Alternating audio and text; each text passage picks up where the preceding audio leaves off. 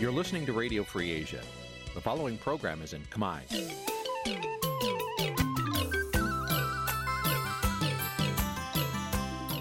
Nǐ chi càm bi tiệp xáy vệt chiu a zì sáy. នេះជាកម្មវិធីផ្សាយរបស់ Vithu Azisari ជាភាសាខ្មែរ វត្តឈូអាស៊ីសេរីសូមស្វាគមន៍លោកអ្នកនាងទាំងអស់ពីរដ្ឋធានី Washington នៃសហរដ្ឋអាមេរិក ចាប់ពីរដ្ឋធានី Washington នាងខ្ញុំម៉ៃសុធានីសូមជម្រាបសួរលោកអ្នកស្ដាប់ទាំងអស់ជាទីមេត្រីជាយើងខ្ញុំសូមជូនការផ្សាយសម្រាប់ព្រឹកថ្ងៃសៅរ៍4កើតខែចែកឆ្នាំខាលចត្វាស័កពុទ្ធសករាជ2566ហើយដល់ត្រូវនៅថ្ងៃទី25ខែមីនាគ្រិស្តសករាជ2023ជាដំបូងនេះសូមអញ្ជើញលោកអ្នកនាងកញ្ញាស្ដាប់ព័ត៌មានប្រចាំថ្ងៃដែលមានមេត្តាដូចតទៅ អញ្ញាធរចាប់ខ្លួនមន្ត្រីបាក់ភ្លើងទៀន3នាក់ពីបទចោទថាក្លែងបន្លំឯកសារក្នុងការបង្កើតគណៈបកបេះដូងជាតិមេធាវីកំពុងសិក្សាភាសាក្រមផ្ដន្ទាទោសលោកកំសុខាមុនទៅជួបកូនក្តីនៅចុងខែមីនា ពីប្រជាប្រដ្ឋជំរុញឲ្យអភិបាលខេត្តប្រវត្តិហាយកចិត្តទុកដាក់ពីជីវភាពកសិករជាជាងនិយាយបំភ្លៃការពិតសិស្សបារម្ភពីផលប៉ះពាល់ការរៀនសូត្រដោយសារបិទសាលាយូសម្រាប់ព្រឹត្តិការណ៍ប្រកួតកីឡាស៊ីហ្គេមរួមនឹងព័ត៌មានសំខាន់សំខាន់មួយចំនួនទៀតចាត់ជាបន្តទៅទៀតនេះនាងខ្ញុំម៉ៃសុធានីសូមជូនព័ត៌មានទាំងនោះពឺស្ដាប់ ចាលោកដានៀងជាទីមេត្រីអាញាធរក្រុងភ្នំពេញ កាលពីថ្ងៃទី24ខែមីនាម្សិលមិញ បានចាប់ខ្លួនមន្ត្រីបកភ្លើងទៀន3នាក់ពីបទចាប់ប្រកាន់ថាពួកគេ បានក្លែងបន្លំឯកសារក្នុងការបង្កើតគណៈបកបេដងជាតិកាលពីឆ្នាំ2021កន្លងទៅក្រុមគូសានិងមន្ត្រីសង្គមស៊ីវិលចាត់ទុកការចាប់ខ្លួននឹងការសម្រេចរបស់តុលាការនេះគឺជាការធ្វើទុកបុកម្នេញផ្នែកនយោបាយជាជាងការអនុវត្តច្បាប់ ចាប់ពីរដ្ឋធានី Washington លោកសេកបណ្ឌិតរាយការណ៍ព័ត៌មាននេះអាញាធរក្រុងភ្នំពេញចាប់ខ្លួនមន្ត្រីគណៈបកភ្លើងទៀន3នាក់នៅព្រឹកថ្ងៃទី24ខែមិនិនាដោយចោទអំពីរឿងក្លែងបន្លំឯកសារក្នុងការបង្កើតគណៈបកបេះដូងជាតិកាលពីឆ្នាំ2021កន្លងទៅការចាប់ខ្លួនថ្នាក់ដឹកនាំសំខាន់សំខាន់របស់គណៈបកភ្លើងទៀនបន្ថែមទៀតនេះ រួមមានប្រធានគណៈកម្មាធិការប្រតិបត្តិគណៈបកភ្លើងទៀនខេត្តកំពង់ចាម លោកតូថងប្រធានចលនាយុវជនគណៈបកភ្លើងទៀនលោកខឿនវិរៈព្រមទាំងអនុប្រធានចលនាស្ត្រី អ្នកស្រីនូសុធារីផងដែរជាមួយគ្នានេះអនុប្រធានក្រុមការងារគណៈបកភ្លើងទៀនខេត្តកែបគឺលោកភ្លឺមេហុងនិងអនុប្រធានក្រុមការងារខេត្តកំពតលោកភ្លឺឈុនហេងព្រមទាំងសកម្មជនមួយចំនួនទៀតកំពុងកិច្ចខ្លួន។ ការចាប់ខ្លួនជាក្រុមក្នុងពេលតែមួយលើមន្ត្រីគណៈបកភ្លើងទៀនបែបនេះធ្វើឡើងប្រមាណ4ម៉ោងមុនពេលសាលាដំបងរាជធានីភ្នំពេញកាលពីរសៀលថ្ងៃទី24ខែមីនា ប្រកាសសាលក្រមផ្ដន់ទាទោសស្ថាបនិកគណៈបកបេះដូងជាតិចំនួន13នាក់ពីបទក្លែងបន្លំ និងប្រើប្រាស់លិខិតក្លែងតាមបណ្ដឹងក្រសួងមហាផ្ទៃពាក់ព័ន្ធនឹងការស្នើសុំបង្កើតគណៈបកបេះដូងជាតិកាលពីឆ្នាំ2021 តុលាការបានកាត់ទោសលោកសៀមភ្លុកឲ្យជាប់ពន្ធនាគារ2ឆ្នាំ6ខែហើយអ្នកជាប់ពាក់ព័ន្ធផ្សេងទៀតរួមមានលោកតូចថងលោកខឿនវិរៈនិងអ្នកស្រីនូសុធារីជាដើមដាក់ពន្ធនាគារក្នុងម្នាក់ម្នាក់រយៈពេល2ឆ្នាំមេធាវីការពារក្តីសំណុំរឿងស្ថាបនិកគណៈបកបេះដូងជាតិគឺលោកកែតខីប្រាប់បទសុអសីសេរីថាឆ្មាំពន្ធនាគារបានដឹកលោកសៀមភ្លុកតាមរថយន្ត ចូលស្ដាប់ការប្រកាសសាលក្រមប៉ុន្តែកូនក្តីរបស់លោក ដែលសមត្ថកិច្ចទើបចាប់ខ្លួនមុនការប្រកាសរបស់តុលាការពុំមានវត្តមាននោះទេលោកឲ្យដឹងថាបើពិនិត្យលើអង្គហេតុនៃសំណុំរឿងនេះគឺលោកសៀមភ្លុកជាអ្នករៀបចំឯកសារដាក់ទៅក្រសួងមហាផ្ទៃដោយផ្ទាល់គណៈស្ថាបនិកគណៈបកចំនួន6នាក់និងអ្នកដែលមិនបានព្រឹត្តមេដៃដោយខ្លួនឯងចំនួន6នាក់ទៀតមិនមានទោសបីនោះឡើយ។ យ៉ាងណាលោកនឹងជជែកផ្លូវច្បាប់ជាមួយនឹងកូនក្តីប្តឹងទាស់នឹងសាលក្រមរបស់សាលាដំបងទៅសាលាធរដើម្បីស្វែងរកយុត្តិធម៌បន្តទៀតពេញបែបបត់នឹងដាក់ទៅក្រសួងហាផ្ទៃគាត់ក៏សរសេរប្រវត្តិរូបដាក់ឲ្យតែបានត្រឹមតែសរសេរប្រវត្តិរូបដាក់ឲ្យតែប៉ុណ្ណឹងឯងគាត់មិនបានធ្វើសកម្មភាពអីទេហើយបើយើងមើលពីហេតុផលដែលនេះវាមិនអាចទៅចោទគាត់ពីបត់ដែលមាន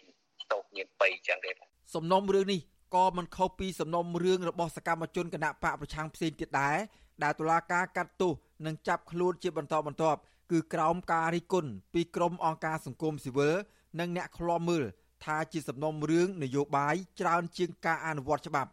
ប្រពន្ធរបស់មន្ត្រីគណៈបកភ្លើងទៀនលោកខឿនវិរៈគឺលោកស្រីថាច់ចន្ទធូបារម្ភពីសុខទុក្ខប្តីជាខ្លាំងពីព្រោះរហូតមកទល់នឹងយប់ថ្ងៃទី24ខែមីនាលោកស្រីមិនទាន់ដឹងសមត្ថកិច្ចនាំប្តី ទៅឃុំខ្លួននៅកន្លែងណានៅឡើយលោកស្រីរំលឹកថាកន្លងមកប្តីលោកស្រី បានចុះឈ្មោះធ្វើជាស្ថាបនិកគណៈបកបេះដូងជាតិប៉ុន្តែលោកមិនជាប់ពាក់ព័ន្ធនឹងរឿងខ្លែងស្នាមមេដៃដោយការចោទប្រកាន់នោះទេហើយប្តីលោកស្រី តែងតែចូលរួមឆ្លើយបំភ្លឺតាមដីកាកោះហៅរបស់តុលាការដែរទោះយ៉ាងណា លោកស្រីយល់ថា ការសម្រេចរបស់តុលាការនិងខាត់ខ្លួននេះ ជារឿងអយុត្តិធម៌និងជាប់ពាក់ព័ន្ធនឹងរឿងនយោបាយ ដោយសាររយៈពេលចុងក្រោយនេះប្តីលោកស្រី ជាថ្នាក់ដឹកនាំយុវជន ដែលសកម្មក្នុងជួរមន្ត្រីរបស់គណៈបកភ្លើងទៀនចាប់ប្តីខ្ញុំអត់មានមូលហេតុអីចឹងណាបើថាមកចាប់ប្តីខ្ញុំប្រាប់មូលហេតុថារឿងចេះរឿងចោះថាប្តីខ្ញុំធ្វើខុសស្អីស្អីចឹងចាប់ ប្តីខ្ញុំអត់អស់ចិត្តទេតែហ្នឹងលេងមកយកប្តីខ្ញុំទាំងឆៅទាំងឆាយចឹងមកខ្ញុំអត់ដឹងថាចាប់រឿងស្អីផងខ្ញុំសូមឲ្យអាជ្ញាធរទីតឡាការចឹងឲ្យដោះលែងប្តីខ្ញុំមិនមានសេរីភាពវិញព្រោះប្តីខ្ញុំអត់ធ្វើខុសមានកំហុសអីប្តីខ្ញុំធ្វើខុសទេវិទ្យុអសីសេរីនៅពុំទាន់អាចតាក់ទងแนะនាំពាក្យសាលាដំបងរាជធានីភ្នំពេញលោកអ៊ីរិននិងអ្នកនាំពាក្យអគ្គស្នងការដ្ឋាននគរបាលជាតិលោកឆាយកឹមខឿន ដើម្បីសូមបញ្ជាក់បន្ថែមជុំវិញរឿងនេះបានទេ នៅថ្ងៃទី24ខែមីនាចំណែកអ្នកនាំពាក្យគណៈបកភ្លើងទៀនលោកគឹមសុភិរិទ្ធថ្លែងថា សំណុំរឿងដែលជាប់តាក់ទងនឹងគណៈបកបេះដូងជាតិបានកើតឡើងយូរមកហើយប៉ុន្តែអាជ្ញាធរបែរជាមកចាប់ខ្លួនមន្ត្រីគណៈបកភ្លើងទៀនដែលកំពុងធ្វើសកម្មភាពស្វែងរកការគ្រប់គ្រងនាពេលនេះទៅវិញ។លោកចាត់ទុកទង្វើនេះថាធ្វើឲ្យប៉ះពាល់ដល់សេរីភាពផ្នែកនយោបាយដំណើរការប្រជាធិបតេយ្យ និងដំណើរការបោះឆ្នោតនៅពេលខាងមុខលោកជំរុញឲ្យអាជ្ញាធរនិងតុលាការទម្លាក់ចោលរាល់ការចោទប្រកាន់លើមន្ត្រីគណៈបកភ្លើងទៀននិងដោះលែងពួកគេឲ្យមានសេរីភាពមកវិញ។ ទាមនាវឲ្យរដ្ឋាភិបាលនៅអាជ្ញាធរហ្នឹងគឺថាមេត្តាជួយរក្សាស្ថានភាពនិងបរិយាកាសនយោបាយឲ្យបានស្ងប់ស្ងាត់ជាវិងការប៉ះទង្គិចលើផ្លូវអារម្មណ៍ទៅដល់អ្នកចូលរួមអ្នកគ្រប់គ្រងគ្រប់គណៈបកនយោបាយទាំងអស់ក៏ដូចជាទៅលើសកម្មភាពនយោបាយរបស់គណៈបកនានាពួកសរុបការបោះឆ្នោតខាងមុខដើម្បីធានាបានថាទាំងបរិយាកាសន យោបាយមុនឬក៏ពេលកំពុងបោះឆ្នោតនិងក្រោយការបោះឆ្នោតហ្នឹងវាល្អប្រសើរសម្រាប់ដំណើរការប្រជាធិបតេយ្យនៅក្នុងប្រទេសយើងទន្ទឹមនឹងនេះគណៈបកភ្លើងទៀនបានចេញសេចក្តីថ្លែងការណ៍ដោយចាត់ទុកការចាប់ខ្លួនសកម្មជនគណៈបកទាំង3នាក់ថាជារូបភាពគម្រាមកំហែងថ្មីមួយទៀតមកលើគណៈបកនេះនៅមុនការបោះឆ្នោតជ្រើសតាំងតំណាងរាស្ត្រអាណត្តិទី7ដែលកាន់តែខិតជិតចូលមកដល់គណៈបកភ្លើងទៀនអំពាវនាវដល់អាជ្ញាធរមានសមត្ថកិច្ចឲ្យដោះលែងលោកតូចថងនិងលោកខឿនវិរៈព្រមទាំងអ្នកស្រីនូសុធារីឲ្យមានសេរីភាពមកវិញដើម្បីឲ្យពួកគេបានចូលរួមធ្វើសកម្មភាពនយោបាយស្របតាមរដ្ឋធម្មនុញ្ញជាពិសេសបង្កបរិយាកាសល្អប្រសើរនិងធានាដល់ដំណើរការបោះឆ្នោតនៅខែកក្កដាខាងមុខនេះឲ្យប្រព្រឹត្តទៅដោយសេរី ត្រឹមត្រូវនិងយុត្តិធម៌កន្លងមកលោកមេធាវីជួងជងងីរិះគន់ថាតុលាការឃុំខ្លួនលោកសៀមភ្លុកពាក់ព័ន្ធរឿងស្នាមមេដៃ គឺជារឿងអយុត្តិធម៌ចំពោះកូនក្តីរបស់លោកព្រោះក្នុងចំណោមស្នាមមេដៃដែលមានដាក់ជូនទៅក្រសួងមហាផ្ទៃគឺមានបញ្ហាតែជាង200ស្នាមមេដៃប៉ុណ្ណោះក្នុងចំណោមស្នាមមេដៃជាង4000ហើយបើទោះបីជាក្រសួងមិនទទួលស្គាល់ស្នាមមេដៃមានបញ្ហាទាំងនោះក៏ស្នាមមេដៃនៅសេសសល់អាចបង្គ្រប់ចំនួនស្នើសុំបង្កើតគណៈបកបានដែរជុំវិញរឿងនេះនាយកទទួលបន្ទុកកិច្ចការទូតនៃអង្គការលីកាដូលោកអំសំអាតមើលឃើញថា ការចាប់មន្ត្រីគណៈបកភ្លើងទៀនមិនប្រក្តីត្រង់សមត្ថកិច្ចអនុវត្តមុនសាលក្រមរបស់តុលាការប្រកាសទោះយ៉ាងណាលោកថាករណីនេះស្ថាបនិកនិងអ្នកប្រិតមេដៃគ្មានចេតនាទុច្ចរិតក្នុងការបង្កើតគណៈបកបេះដូងជាតិដែលនាំឲ្យប៉ះពាល់ដល់សន្តិភាពសង្គមនោះឡើយផ្ទុយទៅវិញរឿងនេះបានបង្កើតបរិយាកាសនយោបាយឲ្យអាប់អួរមុនការបោះឆ្នោតថ្នាក់ជាតិនិងរងការរិះគន់បន្ថែមទៀតពីសហគមន៍អន្តរជាតិ ហ្នឹងគឺមានការចាប់ខ្លួនទៅលើសកម្មជនគណៈបកហើយសិតតែជាមានដឹកនាំនៅតាមបណ្ដាខេត្តផ្សេងផ្សេងមួយចំនួនទៀតអញ្ចឹងយើងឃើញថាបញ្ហានេះចង់មិនចង់គឺទាំងសហគមន៍អន្តរជាតិនឹងគេនឹងរិះគន់បន្ថែមទៀតទៅនឹងបញ្ហាស្ថានភាពលទ្ធិជាតិបតៃនិងការគោរពសិទ្ធិមនុស្សនៅកម្ពុជាជាពិសេសគឺបរិយាកាសទោះទៅការបោះឆ្នោតឆ្នាំ2000ជាតិ2023ក្នុងខែកក្កដានោះបាទគណៈបកភ្លើងទៀន កំពុងរងការធ្វើទុកបុកម្នេញពីអាជ្ញាធរនិងតុលាការនៃរដ្ឋាភិបាលលហ៊ុនសែនក្នុងនោះអនុប្រធានគណៈបកនេះលោកថៃសេថាកំពុងជាប់ពន្ធនាគារពីបទចេញសាយគ្មានលុយចំណែកអនុប្រធានគណៈបកនេះម្នាក់ទៀតគឺលោកសុនឆៃ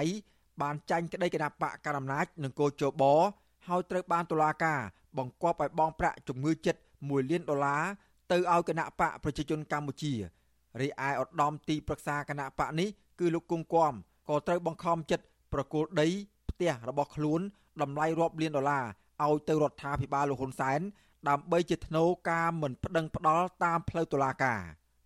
ខ្ញុំបាទសេកបណ្ឌិតវិទ្យុអាស៊ីសេរីពីរដ្ឋធានីវ៉ាស៊ីនតោនចាលោកដានីជាទីមេត្រីមេធាវីការពារក្តីលោកកឹមសុខា កំពុងសិក្សាសាក្រមកាត់ទោសមេបកប្រឆាំងរូបនេះ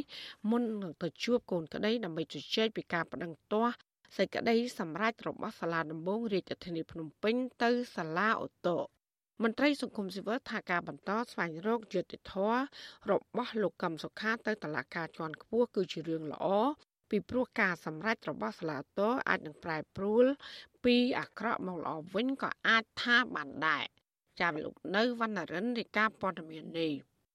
មេធាវីថាប្រសិនបើប្រធានគណៈបកសង្គ្រោះជាតិលោកកឹមសុខានៅតែរក្សាឆន្ទៈរកយុត្តិធម៌ទៅតុលាការជាន់ខ្ពស់ក្រុមមេធាវីនឹងផ្ដល់ប្រឹក្សាផ្នែកច្បាប់និងរៀបចំពាក្យបណ្ដឹងទាស់សារក្រមសាលាដំបងរាជធានីភ្នំពេញជូនលោកកឹមសុខាមេធាវីការពារក្តីឲ្យលោកកឹមសុខា អ្នកស្រីមេងសុភារីឲ្យវិទ្យុអាស៊ីសេរីដឹងកាលពីថ្ងៃទី24ខែមីនាថាក្រុមមេធាវីនឹងទៅជួបលោកកឹមសុខា តាមការគ្រោងទុកនាចុងខែមីនាខាងមុខ អ្នកស្រីមេធាវីឲ្យដឹងទៀតថានៅពេលនេះក្រុមមេធាវីទទួលបានសារក្រមសាលាដំបងដែលផ្ដន់ទាទោសលោកកឹមសុខាពីតុលាការរាជធានីភ្នំពេញហើយទោះយ៉ាងណាក្តីអ្នកស្រីមេធាវីមិនទាន់ធ្វើអត្ថាធិប្បាយបែបណាលើសារក្រមនេះទេតែកន្លងមកក្រុមអ្នកការពារក្តីឲ្យលោកកឹមសុខារិះគន់ថាសារក្រមនេះមិនបានផ្ដល់យុត្តិធម៌ឲ្យលោកនោះទេ សាលាដំបងរាជធានីភ្នំពេញបានអនុញ្ញាតឲ្យសហមេធាវីជួបលោកកឹមសុខានៅថ្ងៃទី28ខែមីនាខាងមុខនៅផ្ទះរបស់លោកក្រោយពេលបេបកប្រឆាំងដែលកំពុងជាប់ឃុំរូបនេះបានដាក់លិខិតទៅតុលាការស្នើជួបមេធាវីដើម្បីពិគ្រោះយោបល់បន្តនីតិវិធីតាមផ្លូវតុលាការនិងរឿងប្តឹងឧទ្ធរណ៍ជំទាស់សារក្រមសាលាដំបងរាជធានីភ្នំពេញ តុលាការរាជធានីភ្នំពេញដែលរងការរិះគន់ថាស្ថិតនៅក្រោមខ្សែញាក់របស់លោកហ៊ុនសែនបានផ្ដន់ទាទោសលោកកឹមសុខាជាប់ឃុំឃាំងរយៈពេល27ឆ្នាំតែត្រូវជាប់ឃុំខ្លួនក្នុងផ្ទះនិងដកហូតសិទ្ធិនយោបាយហើយដាក់បំរាមមិនឲ្យលោកកឹមសុខា មានការតាក់ទងជាមួយនរណាម្នាក់ក្រៅពីសាច់ញាតិក្រុមគ្រួសាររបស់លោក។ តកតងនឹងរឿងនេះអ្នកនាំពាក្យគណៈបកប្រជាជនកម្ពុជា លោកសុកអេសាន ថាគម្រោងប្តឹងទៅឧទ្ធររបស់លោកកឹមសុខា គឺជាសិទ្ធិរបស់លោក ហើយការសម្រេចបែបណា គឺជាឆន្ទៈរបស់តុលាការ រឿងបញ្ហាថារឿងសាមញ្ញកុំឲ្យធ្វើឲ្យស្មុគស្មាញហើយលោកមេធាវីអស់លោកមេធាវីនឹងធ្វើឲ្យស្មុគស្មាញហើយបើសិនណាជាធ្វើឲ្យស្មុគស្មាញអានឹងវាផលចំណេញទៅណាវាផលចំណេញទៅលើច្បាប់ទេបាទពីព្រោះអ្នកចាញ់ក្តីនឹងខាតបងបដៃនឹងវាខាតពេលវេលាវាអត់បានជួបកូនក្តី ទោះជាយ៉ាងនេះក្តីនាយកប្រតិបត្តិអង្គការឃ្លាំមើលការបោះឆ្នោតនៅកម្ពុជាហៅកាត់ថា Netflix លោកសំគុណធីមីយល់ថាការសម្រេចចិត្តរបស់សាលាឧទ្ធរនៅពេលខាងមុខនេះនឹងអាចមានការប្រែប្រួលព្រោះកន្លងមក មានការរិះគន់ថាតុលាការជាន់ទាបគ្មានអង្គហេតុនិងអង្គច្បាប់គ្រប់គ្រាន់នោះទេលោកបន្តថាសប្តាហ៍ថ្ងៃនេះសហគមន៍អន្តរជាតិក៏យកចិត្តទុកដាក់លើសំណុំរឿងនេះដែរ មន្ត្រីសង្គមស៊ីវិលធ្វើការងារផ្នែកបោះឆ្នោតរូបនេះយល់ថាសាលាឧទ្ធរទំនងជាបន្ថយការផ្ដន់ទាទោសនិងបន្ធូរបន្ថយបំរាមមួយចំនួនលើរូបលោកកឹមសុខាតាមខ្ញុំសង្កេតមកអញព្រោះអានឹងចំណុចមួយខ្ញុំនិយាយមិញពីរឿងផោះតាងនិយាយរឿងអង្គហេតុអង្គច្បាប់ដែលតឡាការភ្នំពេញកាត់ថ្ងៃមុនហ្នឹងណាប៉ុន្តែហេតុផលទី2បញ្ហារឿងនយោបាយអន្តរជាតិផងណាសហគមន៍អន្តរជាតិគេសុំឲ្យពិចារណារឿងនឹងសារថ្មីហ្នឹងបាទ សហរដ្ឋអាមេរិកនិងអង្គការសហប្រជាជាតិបានទាមទារជាបន្តបន្ទាប់ឲ្យរដ្ឋាភិបាលរបស់លោកហ៊ុនសែនដោះលែងលោកកឹមសុខាដោយគ្មានលក្ខខណ្ឌចំណែកសហភាពអឺរ៉ុបព្រមានថាកម្ពុជានឹងប្រឈមការបាត់បង់ប្រព័ន្ធអនុគ្រោះពន្ធ EBA បន្ថែមទៀតបើមិនផ្ដល់សេរីភាពឲ្យលោកកឹមសុខា និងមិនរៀបចំការបោះឆ្នោតឲ្យបានត្រឹមត្រូវនោះទេខ្ញុំបាទនៅវណ្ណរិន With Chu Azizi Saray ពីរដ្ឋធានី Washington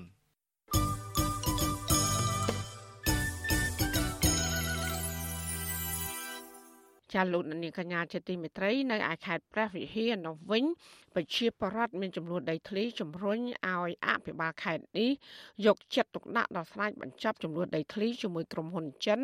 ដើម្បីឲ្យប្រជាកសិករមានដីដាំដំណាំ និងជួយរកទីផ្សារជូនប្រជាពលរដ្ឋជាជាងនិយាយតែមាត់ប៉ុន្តែមិនអនុវត្តតទៅសោះ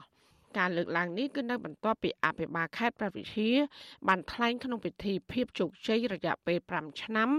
របស់រដ្ឋបាលខេត្តកាលពីថ្ងៃទី23ខែមីនាថាលោកនឹងបន្តពង្រឹងការអនុវត្តកសិកម្មតាមកិច្ចសន្យាការផលិតស្រូវស្រីរៀងនិងជំរុញកសិករឲ្យបង្កបង្កើនផលនិងរក្សាគុណភាពចាលោកយ៉ងច័ន្ទរារាយការណ៍ព័ត៌មាននេះប្រជាពលរដ្ឋមួយចំនួននៅខេត្តព្រះវិហារត្អូញត្អែថា ពួកគាត់ប្រឈមទៅនឹងបញ្ហាជីវភាពខ្វះខាត ខ្វះដីបង្កបង្កើនផល និងចំណាក់ស្រុកដើម្បីរកការងារធ្វើបើទោះបីជាអភិបាលខេត្តព្រះវិហារបានប្រកាសពីការបដិញ្ញាចិត្តដើម្បីជំរុញដំណាំកសិកម្មនៅក្នុងខេត្តរបស់ខ្លួនយ៉ាងណាក្តីប្រជាពលរដ្ឋជនជាដើមភាគតិចគួយរស់នៅឃុំប្រមេស្រុកត្បៃមានជ័យលោកថោងសុតប្រាប់វិទ្យុអាស៊ីសេរីនៅថ្ងៃទី24ខែមីនាថាលោកមិនដែលឃើញអាជ្ញាធរណាចុះមកបង្រៀនកសិករពីរបៀបដាំដុះនោះទេ ហើយម្យ៉ាងទៀត អាជ្ញាធរក៏មិនជួយដោះស្រាយចំនួនដីធ្លីរបស់ពួកគាត់ផងដែរលោកស្នើសុំឲ្យអភិបាលខេត្តព្រះវិហារជួយដោះស្រាយបញ្ហាដីធ្លីដើម្បីឲ្យប្រជាពលរដ្ឋមានដីបង្កបង្កើនផលនិងជួយរកទីផ្សារឲ្យពួកគាត់ដើម្បីលក់កសិផលបានតម្លៃខ្ពស់ពីព្រោះកន្លងទៅ នៅពេលដល់រដូវប្រមូលផលស្រូវមានឈ្មួញចុះមកទិញក៏ប៉ុន្តែលក់បានតម្លៃថោកអាស្រ័យទៅលើមាត់ឈ្មួញជាអ្នកកំណត់ ទីផ្សារកសិករយើងវាកំណត់លើមាត់អ្នកឈ្មោះអ្នកធ្វើក៏កំណត់អត់ទេស្មាត់នេះអ្នកឈ្មោះគេឡាគេអ្នកថា500សេតគេ600សេតគេក៏តាមអីក៏ដាំលើកក៏ដូចទេយ៉ាងណាទេខ្ញុំបើមិនដែលជួបប្រទេសហើយខ្ញុំក៏មិនដែលឃើញមុខមាត់គាត់ចុះមកសັບផ្សាយពីពីរឿងខាងខ្ញុំនោះក៏ឃើញទេនៅឃើញមុខគាត់ផងដែលយ៉ាងណាផង កន្លងទៅនៅក្នុងខេត្តព្រះវិហាររដ្ឋាភិបាលបានផ្ដល់ដីសម្បត្តិសេដ្ឋកិច្ចដល់ក្រុមហ៊ុនហេងហ្វូរបស់ចិននៅលើផ្ទៃដីទំហំជាង40000ហិកតា តាំងពីឆ្នាំ2011ដើម្បីដាំដំណាំអំពៅនិងដំណាំកសិឧស្សាហកម្មផ្សេងទៀតការវិនិយោគរបស់ក្រុមហ៊ុននេះបានធ្វើឲ្យប៉ះពាល់ដល់ជនជាដើមភាគតិចប្រមាណ2000គ្រួសារដែលប្រជាពលរដ្ឋប្រមាណ10000នាក់រស់នៅក្នុងស្រុកចំនួន3គឺស្រុកជ័យសែនស្រុកឆែបនិងស្រុកត្បៃមានជ័យ ផលប៉ះពាល់ទាំងនេះធ្វើឲ្យប្រជាពលរដ្ឋមួយចំនួននៅក្នុងខេត្តព្រះវិហារគ្មានដីធ្លីធ្វើស្រែចម្ការ និងជួបបញ្ហាជីវភាពក្រីក្រ បង្ខំចិត្តឲ្យកូនកូនឈប់រៀនដើរស៊ីឈ្នួលដកដំឡូងនិងកាច់ពោតឲ្យគេដើម្បីបានប្រាក់ខ្លះសម្រាប់ផ្គត់ផ្គង់ជីវភាពគ្រួសារហើយខ្លះទៀតធ្វើចំណាក់ស្រុកទៅក្រៅប្រទេសជាដើមមកទល់នឹងពេលនេះចំនួនដីធ្លីនេះអាជ្ញាធរមិនទាន់ដោះស្រាយចប់នៅឡើយហើយប្រជាពលរដ្ឋតែងតែទាមទារដីទាំងនោះ មកកាន់កាប់អាស្រ័យផលឡើងវិញពលរដ្ឋជនជាដើមភាគតិចគួយម្នាក់ទៀតគឺលោកសុតសវនថ្លែងថាបច្ចុប្បន្នប្រជាពលរដ្ឋគ្មានដីនិងទឹកគ្រប់គ្រាន់សម្រាប់បង្កបង្កើនផលនោះទេហើយប្រជាពលរដ្ឋភាគច្រើនធ្វើស្រែចម្ការបន្តិចបន្តួចដោយរំពឹងទឹកភ្លៀងដោយក្នុងមួយឆ្នាំមួយឆ្នាំធ្វើបានតែម្ដងប៉ុណ្ណោះលោកបញ្ជាក់ថាការលើកឡើងរបស់អភិបាលខេត្តព្រះវិហារហាក់ដូចជាខុសពីការពិតពីព្រោះបើចង់ពង្រឹងការដាំដុះរបស់កសិករអាជ្ញាធរគួរតែដោះស្រាយចំនួនដីធ្លី និងរៀបចំប្រព័ន្ធធារាសាស្ត្រឲ្យប្រជាពលរដ្ឋដើម្បីងាយស្រួលនៅក្នុងការដាំដុះដីដែលបងប្អូនប្រើប្រាស់ហ្នឹងវានៅមានបញ្ហាប្រឈមជាច្រើនជាមួយនឹង ជាមួយនឹងអ្នកខាងក្រៅឲ្យផ្សេងផ្សេងខាងក្រៅចូលធ្វើប្លង់យកប៉ះពាល់ដីបងប្អូនក៏ដល់ពេលយើងធ្វើស្រែរបស់យើងអញ្ចឹងទៅក៏ប៉ះពាល់ជាមួយនឹងអញ្ញាធរឬក្រុមហ៊ុនផ្សេងផ្សេងដែលដែលថាដីហ្នឹងគឺយើងមិនទាន់មានប្លង់តាមការពិតប្លង់របស់យើងក៏មានដែរប៉ុន្តែនៅចន្លោះឆ្នាំ2012ហ្នឹងគឺអញ្ញាធរឃុំគាត់បានហេតុចោល ប្រតិកម្មរបស់ប្រជាពលរដ្ឋនៅខេត្តព្រះវិហារនេះធ្វើឡើងបន្ទាប់ពីអភិបាលខេត្តព្រះវិហារគឺលោកគឹមរិទ្ធីបានថ្លែងនៅក្នុងសន្និសីទសារព័ត៌មានកាលពីថ្ងៃទី23ខែមីនាថាលោកនឹងបន្តពង្រឹងការអនុវត្តកសិកម្មតាមកិច្ចសន្យា ការផលិតស្រូវសេរីរាង្គនិងជំរុញកសិករឲ្យបង្កបង្កើនផលនិងរក្សាគុណភាពដើម្បីប្រែក្លាយខេត្តព្រះវិហារឲ្យទៅជាខេត្តកសិកម្ម ខេត្តព្រះវិហារមានវិសាលភាពផ្ទៃដីធំទូលាយប្រកបដោយជីវជាតិនិងដ៏ប្រសើរសម្រាប់វិស័យកសិកម្មដែលជាឆ្អឹងខ្នងសេដ្ឋកិច្ចសម្រាប់ប្រជាពលរដ្ឋប្រមាណជាង80%នៅទូទាំងខេត្តពិសេសសក្តានុពលធ្វើកសិកម្មសរីរាង្គដែលជាប្រភពកសិកម្មសរីរាង្គច្រើនជាងគេនឹងបាននាំចេញទៅកាន់ទីផ្សារអន្តរជាតិឈានមុខគេទោះជាបែបនេះក្តីមន្ត្រីអង្គការសង្គមស៊ីវិលយល់ឃើញថា អភិបាលខេត្តព្រះវិហារគឺលោកគឹមរិទ្ធីគួរតែយកចិត្តទុកដាក់ដោះស្រាយបញ្ហាដំឡៃស្រូវចុះថោកនិងរកទីផ្សារលក់កសិផលឲ្យប្រជាពលរដ្ឋដើម្បីឲ្យពួកគាត់អាចរកប្រាក់កម្រៃចិញ្ចឹមជីវិត និងមានលទ្ធភាពបញ្ជូនកូនកូនទៅសាលារៀនមន្ត្រីសម្របសម្រួលសមាគមការពារសិទ្ធិមនុស្សអាត6ខេត្តព្រះវិហារលោកឡាវច័ន្ទមានប្រសាសន៍ថាអញ្ញាធិបពពាន់គួរតែចុះត្រួតពិនិត្យដោះស្រាយបញ្ហាដីធ្លី និងប្រព័ន្ធធារាសាស្ត្រឲ្យបានម៉ត់ចត់បើចង់ឲ្យខេត្តព្រះវិហារ ក្លាយទៅជាខេត្តនាំចេញស្រូវទៅក្រៅប្រទេសក៏ប៉ុន្តែលោកថាប្រសិនបើកសិករខ្វះដីបង្កបង្កើនផល ហើយកសិផលគ្មានទីផ្សារនិងប្រភពទឹកមានមិនគ្រប់គ្រាន់គឺប្រជាពលរដ្ឋនឹងជួបបញ្ហាប្រឈមខ្វះខាតជីវភាពខាង អាជ្ញាធរខេត្តយើងបន្ថែមក្នុងការយកចិត្តទុកដាក់ធ្វើប្រព័ន្ធធារាសាស្ត្រជូនពួកគាត់ពីព្រោះប្រជាពលរដ្ឋគាត់ធ្វើស្រែចម្ការពេលបច្ចុប្បន្នធ្វើអាស្រ័យលើមេឃអាស្រ័យលើភ្លៀងដូច្នេះអត់មានប្រព័ន្ធធារាសាស្ត្រណា ដែលអាចជួយពួកគាត់បានច្រើននោះទេគឺមានតែតិចតួចបំផុតដូច្នេះអ្នកឯហ្នឹងជួយបន្ថែមក្នុងការយកចិត្តទុកដាក់បង្កើតប្រព័ន្ធធារាសាស្ត្រឲ្យបានគ្រប់ទីកន្លែង របាយការណ៍របស់អាជ្ញាធរខេត្តព្រះវិហារឆ្នាំ2022បង្ហាញថាការដាំដុះផ្ទៃដីសរុបប្រមាណ100000ហិកតា ដីប្រមូលផលចំនួនជិត10000ហិកតា ស្មើនឹង1%ដោយទទួលបានផលចំនួនជិត3សែនតោនសម្រាប់ស្រូវរដូវវស្សានិងទិន្នផលជាមធ្យមចំនួនជាង3តោននៅក្នុង1ហិកតា ក្រៅពីនេះខេត្តព្រះវិហារនៅមានដំណាំរួមផ្សំផ្សេងទៀតដូចជាឈើហូបផ្លែ ដំឡូងមី និងស្វាយចន្ទីជាដើមដែលមានចំនួនជិត30000ហិកតា ទោះជាយ៉ាងណាប្រជាពលរដ្ឋមួយចំនួននៅតែត្អូញត្អែអំពីជីវភាពខ្វះខាត និងជំពាក់បំណុលធនាគារដោយសារតែខ្វះដីបង្កបង្កើនផលកសិផលគ្មានទីផ្សារនិងលក់បានតម្លៃថោកក្រៅពីនេះប្រជាពលរដ្ឋក៏កំពុងរងការគំរាមកំហែងមិនឲ្យចូលបង្កបង្កើនផល និងទាញប្រយោជន៍ពីដីធ្លីនិងព្រៃឈើដោយសារតែអាជ្ញាធរយកដីសមូហភាពរបស់ពួកគេ ជួលទៅឲ្យក្រុមហ៊ុនឯកជន ខ្ញុំយ៉ងច័ន្ទដារាវិទ្យុអាស៊ីសេរី Washington លោកដានៀងកញ្ញាកំពុងស្ដាប់ការផ្សាយរបស់វិទ្យុអាស៊ីសេរីផ្សាយចេញពីរដ្ឋធានី Washington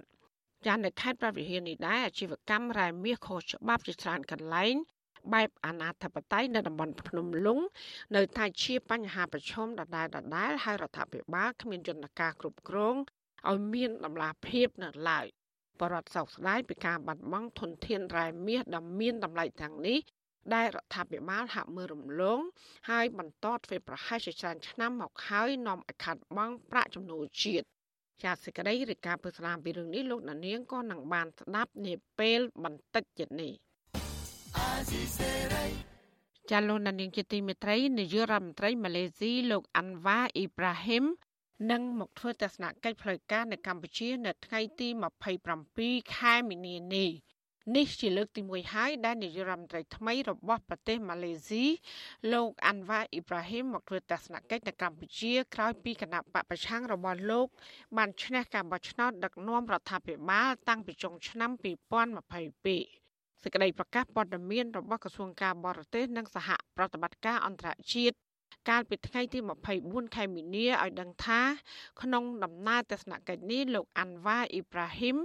នឹងជួបព្រះមហាក្សត្រលោកនាយករដ្ឋមន្ត្រីហ៊ុនសែននឹងជួបប្រធានរដ្ឋសភា និងប្រធានប្រតិភិ ដំណើរទស្សនកិច្ចរបស់នាយករដ្ឋមន្ត្រីម៉ាឡេស៊ីមកកាន់កម្ពុជានេះគឺដើម្បីពង្រឹងទំនាក់ទំនងទ្វេភាគីរវាងប្រទេសទាំងពីរជាពិសេសគឺវិស័យនយោបាយសន្តិសុខស្ថិរភាពនៅក្នុងតំបន់និងសេដ្ឋកិច្ចសង្គមវប្បធម៌ជាដើម។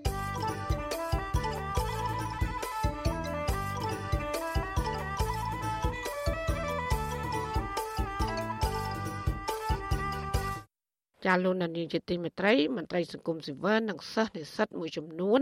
លើកឡើងថាការផ្លាស់ប្តូរថ្ងៃឈប់សម្រាករបស់សិស្សដើម្បីចូលរួមគ្រប់គ្រងព្រឹត្តិការណ៍ប្រកួតកីឡាស៊ីហ្គេមនិងអាស៊ានប៉ារ៉ាហ្គេមអាចប៉ះពាល់ដល់ការសិក្សារបស់ពួកគេ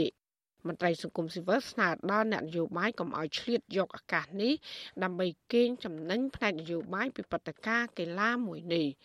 លោកសេបណ្ឌិត មានសេចក្តីរាយការណ៍ដាច់ដライមួយទៀតជំវិញព័ត៌មាននេះសិស្សនិស្សិតមួយចំនួនព្រួយបារម្ភពីការរៀនសូត្ររបស់ពួកគេខណៈការអប់រំនៅក្រៅពេលមានជំងឺ Covid-19 នៅមិនទាន់វិលមកសភាពដើមវិញនៅឡើយក្តីបារម្ភនេះកើតឡើងបន្ទាប់ពីក្រសួងអប់រំយុវជននិងកីឡាប្រកាសអនុញ្ញាតឲ្យសិស្សានុសិស្សឈប់សម្រាកឬវិស្សមកាលធំ ក្នុងអំឡុងពេលនៃការប្រកួតកីឡាស៊ីហ្គេម និងអាស៊ានប៉ារ៉ាហ្គេមរយៈពេលជិត1ខែនិស្សិតឆ្នាំទី4នៃសាកលវិទ្យាល័យមួយនៅក្នុងរាជធានីភ្នំពេញលោករឿងសារាយប្រាប់វិទ្យុអស៊ីសេរីនៅថ្ងៃទី24មីនាថាលោកត្រេកអរចំពោះការអនុញ្ញាតឲ្យឈប់សម្រាកដែលផ្ដល់ឱកាសឲ្យសិស្សានុសិស្សបានចូលរួមនៅក្នុងព្រឹត្តិការណ៍កីឡាមួយនេះតែយ៉ាងណា ក្នុងនាមជានិស្សិតដែលជិតបញ្ចប់ការសិក្សា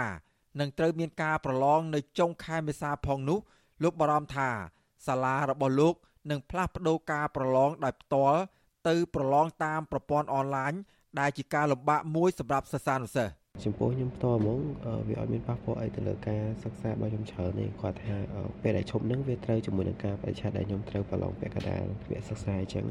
អត់ដល់នឹងទៅសាលាថា announce មិនដែរប៉ុន្តែខ្ញុំគាត់ថាគាត់អាចនឹងដូរថ្ងៃប្រឡងឬមួយក៏លើកថ្ងៃប្រឡងឲ្យយូរអញ្ចឹងទៅឬមួយក៏អាចនឹងឈានដល់ការប្រឡងអនឡាញអញ្ចឹងទៅវាអាចជាផ្នែកមួយដែលប៉ះពាល់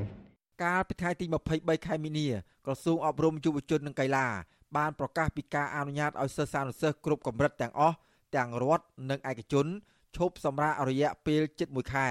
គឺចាប់ពីថ្ងៃទី20ខែមេសាដល់ថ្ងៃទី18ខែឧសភា